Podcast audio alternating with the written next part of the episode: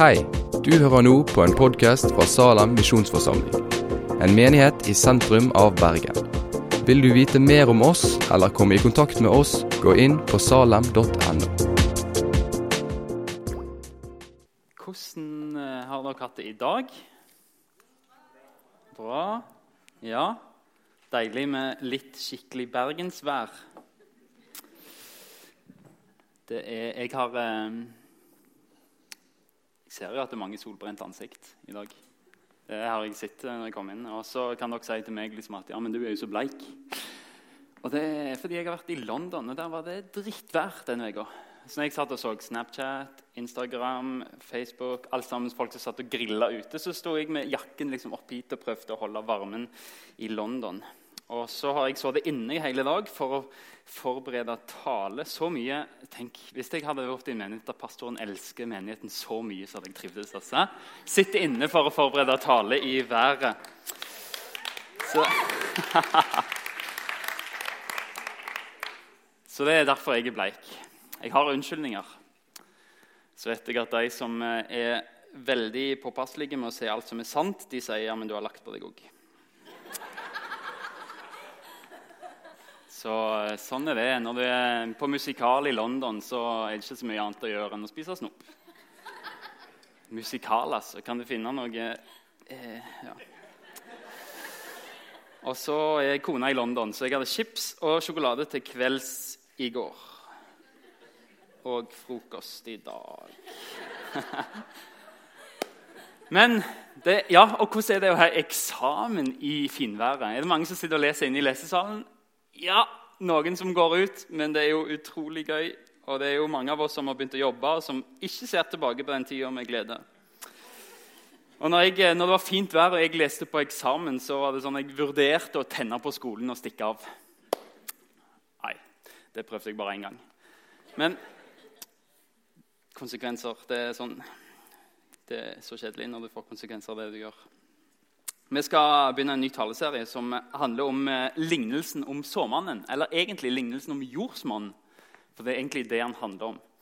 Eh, I dag skal vi se på det som falt på veien, og så skal, skal neste uke forresten en, en Line, Lina Løvseland skal tale om, om tvil. Et vitnesbyrd om sin tvil og sin trosreise. Anbefaler det. Og så skal Ingve etterpå, eh, som er forsamlingsutvikler, snakke om, eh, videre om jordsmann. Men vi skal begynne med å lese. Eh, vi finner lignelsen i Markus 4, og vi finner den i Lukas i kapittel 8 og Matteus 13. Slå gjerne opp Biblene hvis dere har anledning til det. Vi leser. Jesus begynte igjen å undervise folket nede ved sjøen. Det har vært fint vær der òg. Alle ville bade.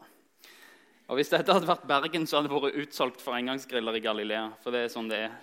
Alle bergensere og sol de har liksom det, De har solbriller på innerlomma uansett om det regner. Har dere lagt merke til det? Gått på Torgallmenningen. Kommer lite gløtt med smol. Svosj! Solbriller. Alle bergensere er sånn. Og så er det utsolgt for engangsgrill og grillmat med én en eneste gang. Det er sånn det er. Her er det altså alltid fint vær. Det samlet seg en så stor folkemengde omkring ham at han måtte gå ut i en båt og sitte i den ute på sjøen. Det hadde jeg òg gjort hvis det var mange bergensere mens hele folkemengden sto på land helt ned til vannkanten. Han underviste om mange ting og la fram sin lære i lignelser. Hør, sa han. En såmann gikk ut for å så. Og da han sådde, falt noe ved veien. Lukas skriver det ble tråkka ned, og fuglene kom og tok det. Noe falt på steingrunn, hvor det var lite jord. Det skjøt straks i været fordi jordlaget var tynt. Men da solen steg, ble det svidd og visnet fordi det ikke hadde fått slå rot. Noe falt blant tornebusker, og tornebuskene vokste opp og kvalte det. Så det ikke bar frukt. Men noe falt i god jord. Det skjøt opp, vokste og bar frukt. 30, 60, ja 100 ganger det som ble sådd. Det, da er det kjipt at jeg bare sponser 5 av kollekten i kveld, men du kan fortsatt gi. Eh, og Lukas legger til da han hadde sagt dette, ropte han, 'Den som har ører med, han hører.' Og han sa til dem, 'Når dere ikke forstår denne lignelsen, hvordan skal dere da forstå noen annen lignelse?' Såmannen sår ordet. De ved veien er slike som ordet blir sådd i. Matteus skriver, 'Men de skjønner det ikke.'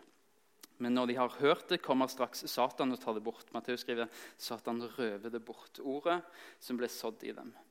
Og Lukas skriver for at de ikke skal tro og bli frelst. På samme måte er det med den som ble sådd på steingrunn. Det er de som straks tar imot ordet med glede når de får høre det. Men de har ingen rot og holder bare ut en tid. Når de møter motgang eller forfølgelse for ordets skyld, faller de straks fra.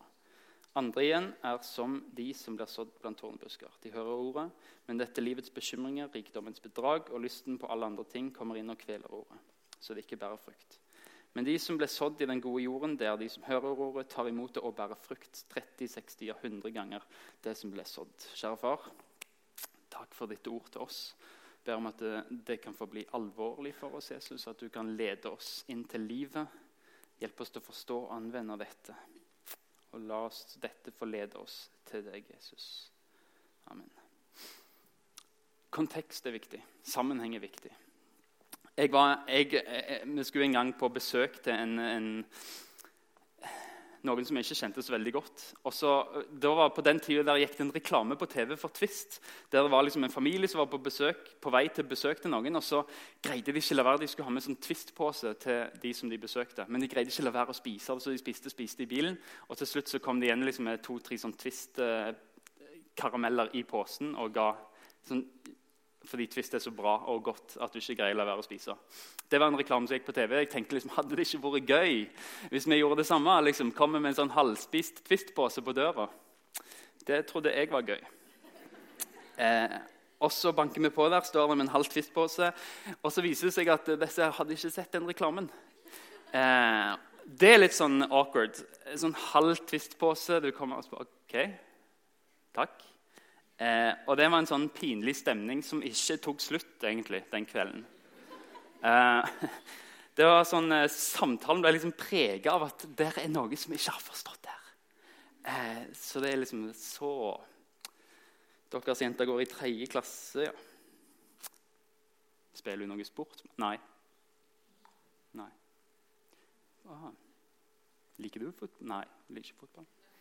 Og de bare svarte med sånn enstavelsesvar, og det ble så kleint. Så jeg måtte jo inn på do for å få kvelden til å gå. Eh, og det går bare for en viss periode. Så når, eh, når de jeg var med, kommer og banker på, og bare 'Kommer du snart?' Nei, jeg kommer ikke. Hvis dere hadde elska meg, så hadde dere sagt ifra at det var en dårlig idé i bilen. Hvis dere hadde vært glad i meg, så hadde dere sagt det. At det var en dårlig idé å gjøre dette. Vel, jeg er glad i dere. Og Derfor vil jeg fortelle dere at Jesus har sett en reklame som dere ikke har sett. Han vet noe som dere ikke vet. Når han forteller denne lignelsen, så er det noen, en kontekst som vi ikke har. Det er noe som hans samtid kjenner, hans tilhørere, og som vi ikke kjenner. Og Det kan føre til at vi misforstår det han sier, fordi vi har ikke den der kulturelle bakgrunnen. Vi har ikke sett reklamen. Vi kan ledes til å tro at okay, det handler om at Jesus sår ordet, og så går det kjempebra. Mange blir kristne, og mange blir frelst til slutt. Det er det veldig mange som tror at denne lignelsen handler om. Men det er ikke poenget. For de som hørte på Jesus, så var korndyrking og høst det var bilde på noe annet. De som hadde lest Gamle testament og kjente det inn og ut, visste at en dårlig kornhøst det var tegn på at du var unna Guds dom. Og en god kornhøst det var tegn på at du var unna Guds velsignelse. Det var et uttrykk for Guds dom i jødedommen. Og Jesus knytter an til det. Det går vi glipp av når vi leser med våre 2017-briller. fra. De vet at eh, det kornet som vokser opp. Det er snakk om bilder på folk som blir frelst, og det kornet som visner og som dør. Det er bilder på mennesker og syndere som dømmes. Et eksempel er ikke fra Bibelen, faktisk, men fra jødiske samtider. Fjerde Esras bok. Noen som skrev, som var ca. samtidig med Jesus, skriver en lignelse. Bonden sår sitt korn på jorden og planter mange planter. Men ikke alt han sår, kommer opp i rette tid. Heller ikke slår alle plantene rot. Slik skal heller ikke alle de menneskene som er satt inn i verden, bli frelst. Han sier noen, så, noen frø slår rot og bærer frukt. Det frelser skriver han Esra videre. Noen frø bærer ikke frukt, og det er dommen. De blir ikke frelst. Og Inn i den tankegangen er det Jesus snakker. Tilhørerne er kjent med såkorn som ikke bærer frukt, at det er dom. Og at de menneskene, ta, og de menneskene det gjelder, de må ta ansvar for sitt eget frafall og den dommen som de skal møte. Når vi forstår at Jesus snakker inn i en sånn tankegang, så ser vi at såmannen er ikke hovedpersonen i den lignelsen. Det handler ikke om såmannen. Det er veldig fint at såmannen sår. Det er veldig fint at han sår overalt, fordi han vil at alle mennesker skal bli frelst. Og det er Jesus. Men Det er en annen hovedperson i lignelsen, og det er deg. Såkornet som havner på veien, såkornet som havner på steingrunn og blant torner, de viser til tre forskjellige mennesker, grupper, som hører ordet, og hvordan de reagerer på det. At de ikke tar vare på det. Hovedpoenget i lignelsen er at det finnes forskjellige måter å ta imot Jesu budskap på. Å ta imot frelsen på. Lignelsen er faktisk en sterk advarsel til deg. Og den har fått vært det for meg. Det er en sterk advarsel til deg for å få deg til å tenke på hvordan tar du imot Guds ord. Hvordan tar du imot evangeliet når du hører det? Derfor er det Jesus roper ut 'Hør nøye etter nå', sier Jesus flere ganger. Tre ganger sier han det i løpet av denne lignelsen. Han forteller 'Hør, hør, hør'. Det er så viktig. Lignelsen har noe å si som krever full oppmerksomhet, som krever ettertanke. Og du oppfører oss til å høre, til å forstå og til å anvende det du hører. Til å bruke evangeliet i ditt eget liv. Og når du tar imot og hvordan du tar imot ordet, sier lignelsen, det spiller en rolle for om du faktisk er kristen eller ikke. Og Derfor sier Matteus, se, hør hvordan lignelsen skal tydes. Det blir sagt så mange ganger. Hør, hør, hør. Og Når Bibelen sier 'hør', så gjelder det ikke bare å lytte. Det gjelder å lytte, forstå og anvende. Det er det som Bibelen kaller 'hør'. Hør, Israel, Herren Gud er én. Du skal elske Herren din Gud av hele ditt hjerte, av hele din sjel, av all din makt. Det er å høre. Det er å høre. Elske av hjerte, av sjel og av makt. Det er lignelsen. Så langt en innledning. Men vi skal snakke om frøet som faller langs veien. Som blir tråkka ned, blir spist av fuglene. Det er de menneskene som hører evangeliet, men ikke skjønner det. Og når de har hørt det, så kommer straks Satan og tar det bort. Eller røver det bort. Ordet som blir sådd i dem. Og Lukas sier at han gjør det fordi at de ikke skal tro og ikke bli frelst. Sånn som bildet viser, så er det i Israel på den tida en åker. Og Mellom åkrene så gikk det veier, fordi såmennene, bøndene, måtte ha en plass å gå. og De delte rett og slett opp åkrene med veier. og Der de hadde gått med kjerrer og hva de igjen hadde gått med esler og kyr, alt sammen, det var knallhardt. Knallhardt. Og Sånn var det Jesus snakker om. Det er en plass der ingenting gror fordi så mange har gått. Det har vært så mye trafikk. Og Sånn er noen mennesker når de hører evangeliet. Sånn er det. Det er så hardt at ingenting trenger inn i hjertet. Det er det Jesus snakker om. Og Hva er symptomene på at mennesket er sånn? at evangeliet ikke får trenge inn i hjertet? Hva er det som er symptomene på det? Hvordan kan vi kjenne det igjen? De skjønner det ikke, skriver Matteus. De skjønner ikke evangeliet. En disippel, en kristen, er ikke bare en som hører ordet, men en som forstår det og tar det til hjertet, og som anvender det, som lar det synke inn, og som lar det få påvirke tanken, som lar det få påvirke handlingene og det de, alt det de gjør. Det får ikke evangeliet gjøre hvis vi ikke skjønner det. Hvis vi ikke forstår det, så blir det bare liggende på overflaten. og bare, Hva er dette for noe? Jeg skjønner ikke hvorfor det angår meg. Har du forstått evangeliet? Ikke bare ja, kan du forklare det på et papir, kan du forklare det, men har du forstått det? Er det blitt en del av deg? Har du erfart den personlige kraften av budskapet? Eller er det bare teori for deg? Har du fått øynene åpna sånn at du har fått sett at navnet ditt står på alle sannhetene i Bibelen? Det gjelder deg, at du er en synder. At du av naturen er vredens barn, at du er bestemt for fortapelse. At det fins en fortapelse der du er på vei hvis ikke du får hjelp. At denne fortapelsen ikke er billedlig, sånn som vi blir ledet til å tro i mange retninger i kristendommen i dag. Den er ikke billedlig, den er fysisk, den er konkret, den er evig. Har du kjent den kalde hånda fra Guds bud, fra Guds lov, som tar tak om halsen din på deg og nesten løfter deg opp og viser at dette har du ikke sjans å komme fra. Du er hjelpeløs i deg sjøl. Har du fått se at det er dit du er på vei? Hvis du lar deg bli ledet av ditt eget hjerte, ditt eget begjær, din egen vilje, dine lyster? Har du sett at ditt navn står på alle de bibelske sannhetene? Har Den hellige ånd fått vise deg at dette gjelder deg? Og har du forstått at troen på Jesus kan redde deg? Har du fått forstå og begripe at Jesus ikke bare døde for deg, men Jesus døde som deg? Når, korset, så, når Jesus hang på korset, så hang du der sammen med han. Han døde som deg, dine synder, og du er død for Gud hvis du tror på Jesus. Han glemmer dine synder fordi de er strøket ut, de kviska ut når Jesus døde på korset. og Det gjør at du kan leve et nytt liv som er helt totalt forvandla av det Jesus gjorde på korset for deg. Du kan ta imot hans liv som er evig, og som er godt, og som er nåde. Har du forstått det? Har du latt det få synke inn? At Jesus ikke bare døde for deg, men som deg. Og Har du latt det synke inn at hvis du var den eneste personen som levde på jord, så hadde Jesus fortsatt valgt å gjøre akkurat det samme en gang til fordi han elsker deg med din historie. På den stolen du setter akkurat den dagen du har hatt. Alle de relasjonene som var ødelagte, alt det gale du har gjort. Han vil gjøre det samme en gang til for deg. Har det personlig berørt deg sånn at livet er annerledes? Erfarer du at du er målet for hans frelse? Og Hvis du har forstått det, så vil du òg leve som om du har gjort det. Gjelder det deg? Har du forstått det? Har du forstått evangeliet? Hvis du ikke har forstått det, så har Bibelen en forklaring. Bibelen har et konsept som heter harde hjerter. Eller feite hjerter.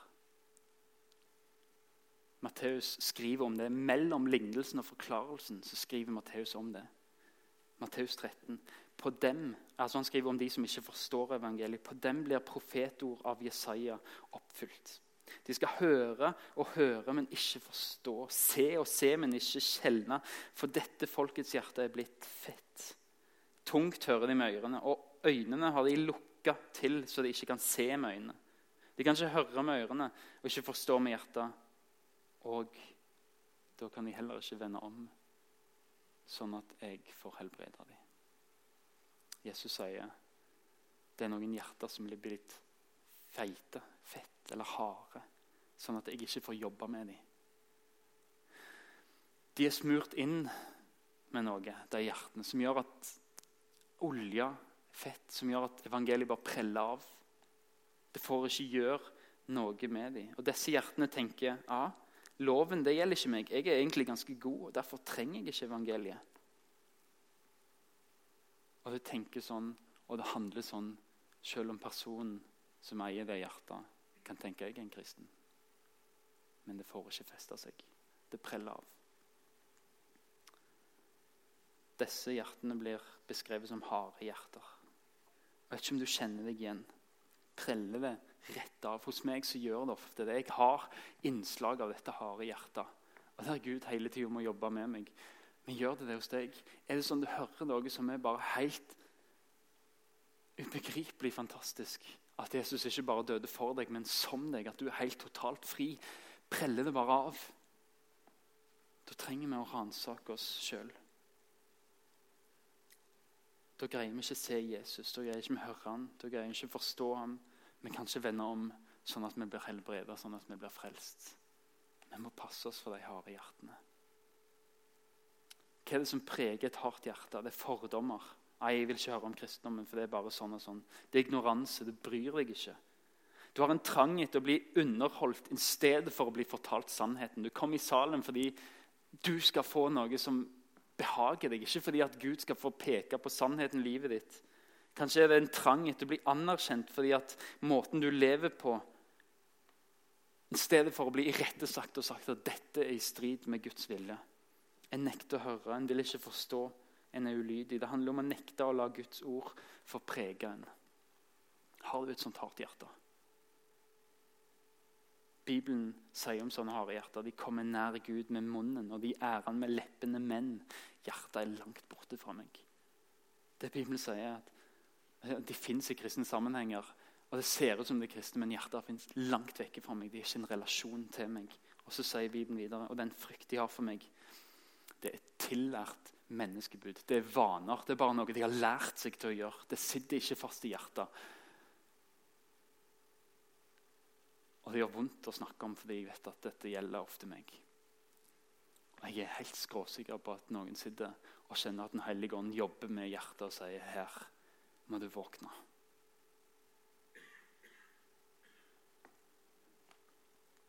Det er en trøst at til og med disiplene blir beskrevet som om de har harde hjerter av og til. De greier ikke forstå. Når Jesus kommer gående på vannet, så vil de ikke tro det var han fordi hjertene deres var harde. Jesus gir mat til 5000 en gang, han gir 4000 en annen gang. Og så en gang står disiplene og snakker hvordan skal vi få mat. Så sier Jesus hva tror dere ikke? Er hjertene deres så harde? Ser dere ikke at jeg er nok? De så og hørte, og det fikk ikke prege livet deres. Jesus nådde ikke inn, ikke før etter oppstandelsen. Og Da sier Jesus til dem for siste gang Hvorfor er hjertene deres så harde? Hvorfor vil dere ikke tro på de som sa at de hadde sett meg stått opp? Og Så helbreder Jesus de en gang for alle, der han blåser på dem, og så gir han dem sin hellige ånd. Etter det så blir sløret revet vekk fra øynene deres. Den hellige ånd fikk forklare dem hvem Jesus var, hva de så. De så Jesus levende.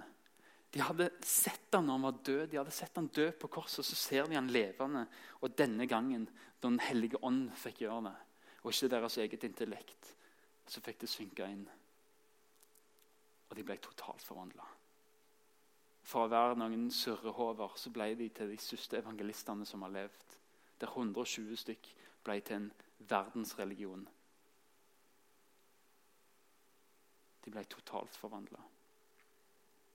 For en trøst det er at den samme hellige ånd er tilgjengelig for deg. Det er kun han som kan endre våre harde, våre uforstående hjerter. Grunnlaget for å forstå ordet Jesus kommer med, det er at Den hellige ånd tolker det og forklarer det til oss. Men for at han skal kunne gjøre det, så er du helt nødt til å bruke tid med han. Tid i Bibelen, tid i Guds ord. Og det er jeg totalt overbevist om at hvis ikke vi gjør det, setter oss ned og intensjonelt bruker tid med Guds ord, så kan det være at selv om vi er godt jordsmonn nå, så vil vi bli steinhjerter etter hvert. Vi er nødt til å la ham få prege oss hver dag. Og det, det er helt kompromissløst der jeg har sagt nei hver dag. Jeg kan ikke alltid holde det, men før jeg åpner mail, før jeg begynner med noe annet, så skal jeg bruke tid med Gud. Lese og spørre hva gjelder dette med Gud. Hva vil du vise meg? Hva er det jeg må bekjenne ut fra denne teksten? Jeg tror oppriktig at det er eneste måten for oss å overvinne harde hjerter på. Det fins ingen annen måte enn å la Den hellige ånd få prege oss. Vi må prioritere det. Esekiel sier hva som skjer hvis vi gjør det.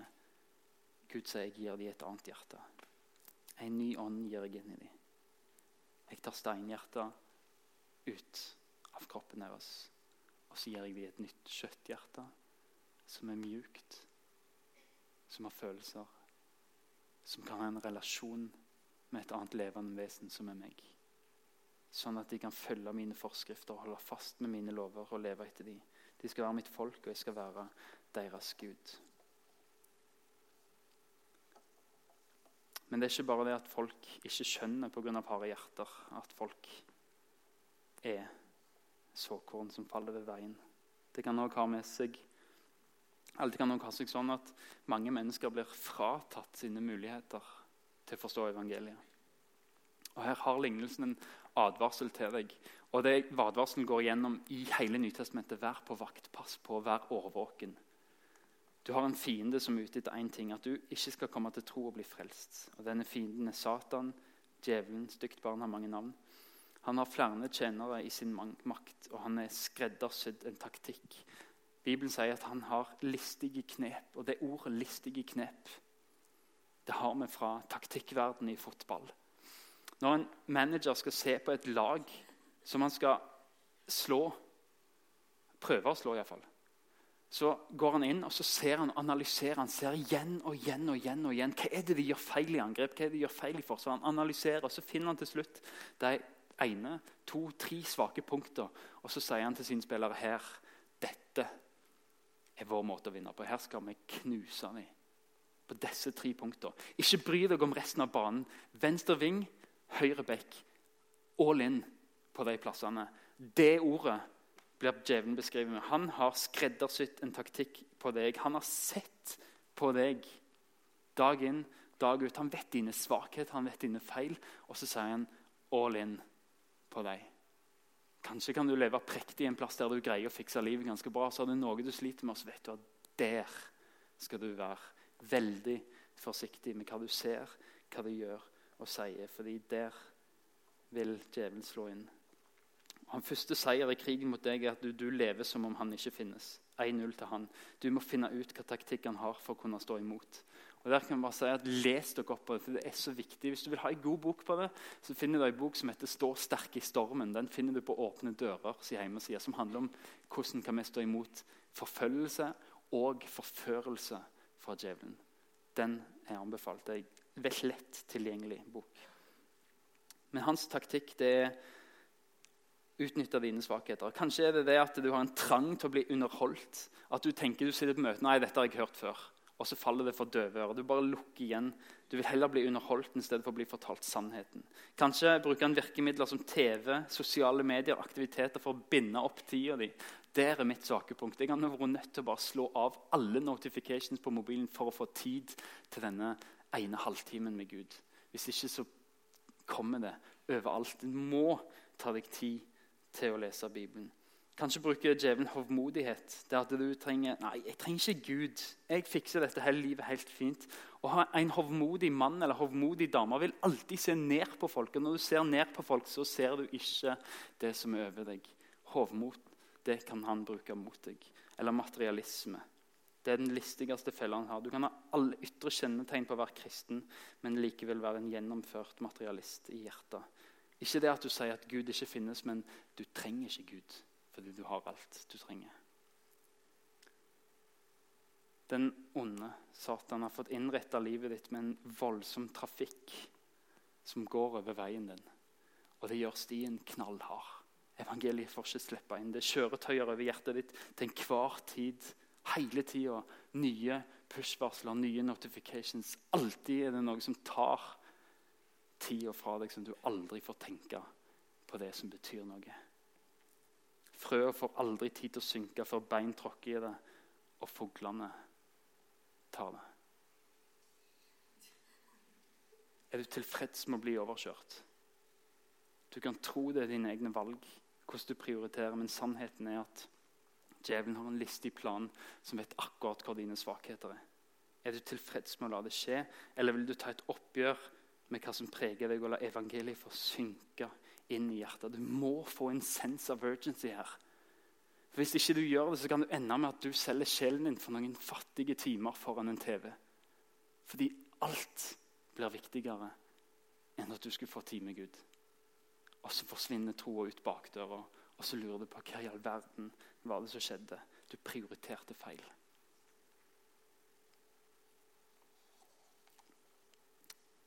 For Satans forsøk på å få oss til å synde det fritar ikke oss for ansvaret for våre egne handlinger og reaksjoner. Vi er moralsk ansvarlige overfor Gud. Vi kan ikke si ja, men han frista meg. Det er dine handlinger og det er dine holdninger. Det er dine prioriteringer. Du må sjøl stå for det. Du må sjøl stå på det. Pass på troa di. Det er så lett å miste.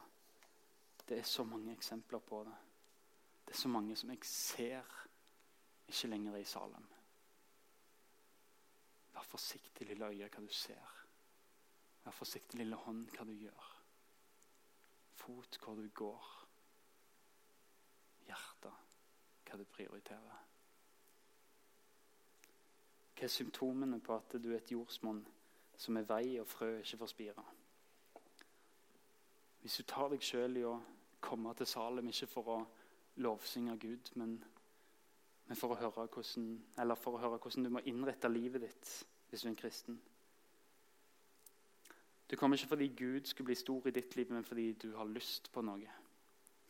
Du vil bli underholdt i en kort tid, et sosialt fellesskap. Du vil ha mat, tidsfordriv for å vanne vanene dine. Du pleier jo å gå her, og du ville kjent en slags sånn rar samvittighet hvis du ikke gikk her. Hvis det er tanker du tenker, så vær forsiktig. Pass på at du ikke er feil jordsmonn. Ransak deg sjøl. Du kan være i kontakt med frøet evangeliet på en ukentlig basis uten å være kristen. Hvis det bare får være teori for deg. Hvis bare intellektet er involvert, og, og frøet ikke får gro i hjertet, ikke får bære frukt. Det budskapet Jesus forteller om frøet langs veien. Han forteller det fordi han elsker deg. og Han vil advare deg om at hvis ikke min kjærlighet får forvandle deg, hvis ikke jeg får gi deg et, et mjukt kjøtthjerte, så har du ikke noe med meg å gjøre. Du kan ikke ha en relasjon med en stein. Han vil gi deg livet. Og han er den eneste som kan gi deg Kanskje blir vi motløse av å høre dette. Men da har hebreerbrevet fantastiske nyheter til oss om harde hjerter. Og der Han gir oss en ny dag, en ny start. Hør hva Jesus sier. Derfor fastsetter han på ny en dag i dag i dag om du hører hans røst, så gjør ikke hjertene harde. Vet du hva, Det er en invitasjon, det. Der han sier jeg har kanskje pekt på noe i livet ditt som ikke stemmer. Jeg har pekt på noe som gjør at jeg ikke når inn. Så kan han si glem alt det andre. Vet du hva, Jeg tilgir deg. Jeg glemmer det som ligger bak. Det skal du få gjøre. I dag kan vi starte på ny. I dag, hvis du hører hans røst, så gjør ikke hjertene harde. Du kan starte på nytt. Vi glemmer alt det andre. Du skal få være jorda. Og jorda kan ikke gjøre noen ting fra eller til. Det er gartneren som gjør noe. Den hellige ånd er gartneren. Ikke bli leda inn i en 'OK, jeg skal skjerpe meg'-fase. Det er ikke jordens arbeid å bli god jord. Det er gartneren som skal stelle og pløye, rydde og luke. Det kan gjøre vondt. Du skal høre ordet høre ordet igjen og igjen og igjen. Still deg under påvirkning av ordet, av evangeliet. Og Så går du til gartneren og forteller deg Gud jeg har et hardt hjerte. Jeg blir overkjørt, jeg blir tråkka på. Det skjer noe hele tida. Please, gjør noe med det. Luk meg, pløy meg, rydd meg, ta ut stein. La meg få bære frukt. Og vet du hva Jesus svarer på den bønnen der? Jesus svarer Selvsagt. Jeg har venta på deg. Jeg har venta, og jeg har lengta etter å gjøre hjertet ditt til et mjukt hjerte. Jeg har allerede gjort og fiksa alt det andre. Bare hør og lev. Jeg elsker deg. Jeg har dødd for deg. Jeg vil ta imot et nytt liv fra meg. Du kan enten la djevelen få ta frøet fra deg og ødelegge det. Eller du kan la Jesus få ta synden din fra deg, beskjære deg, sånn at frøet bærer mer frukt. Vi bøyer hodene våre, og så bruker vi tid alene med Gud. Takk for at du har hørt på podkasten fra Salem, Bergen. I Salem vil vi vokse i et stadig dypere fellesskap med Gud og med hverandre. Vi vil være Jesu hender og føtter, og vi vil være med og forkynne frelse for Bergen og resten av verden. Besøk oss gjerne på salem.no om du vil vite mer.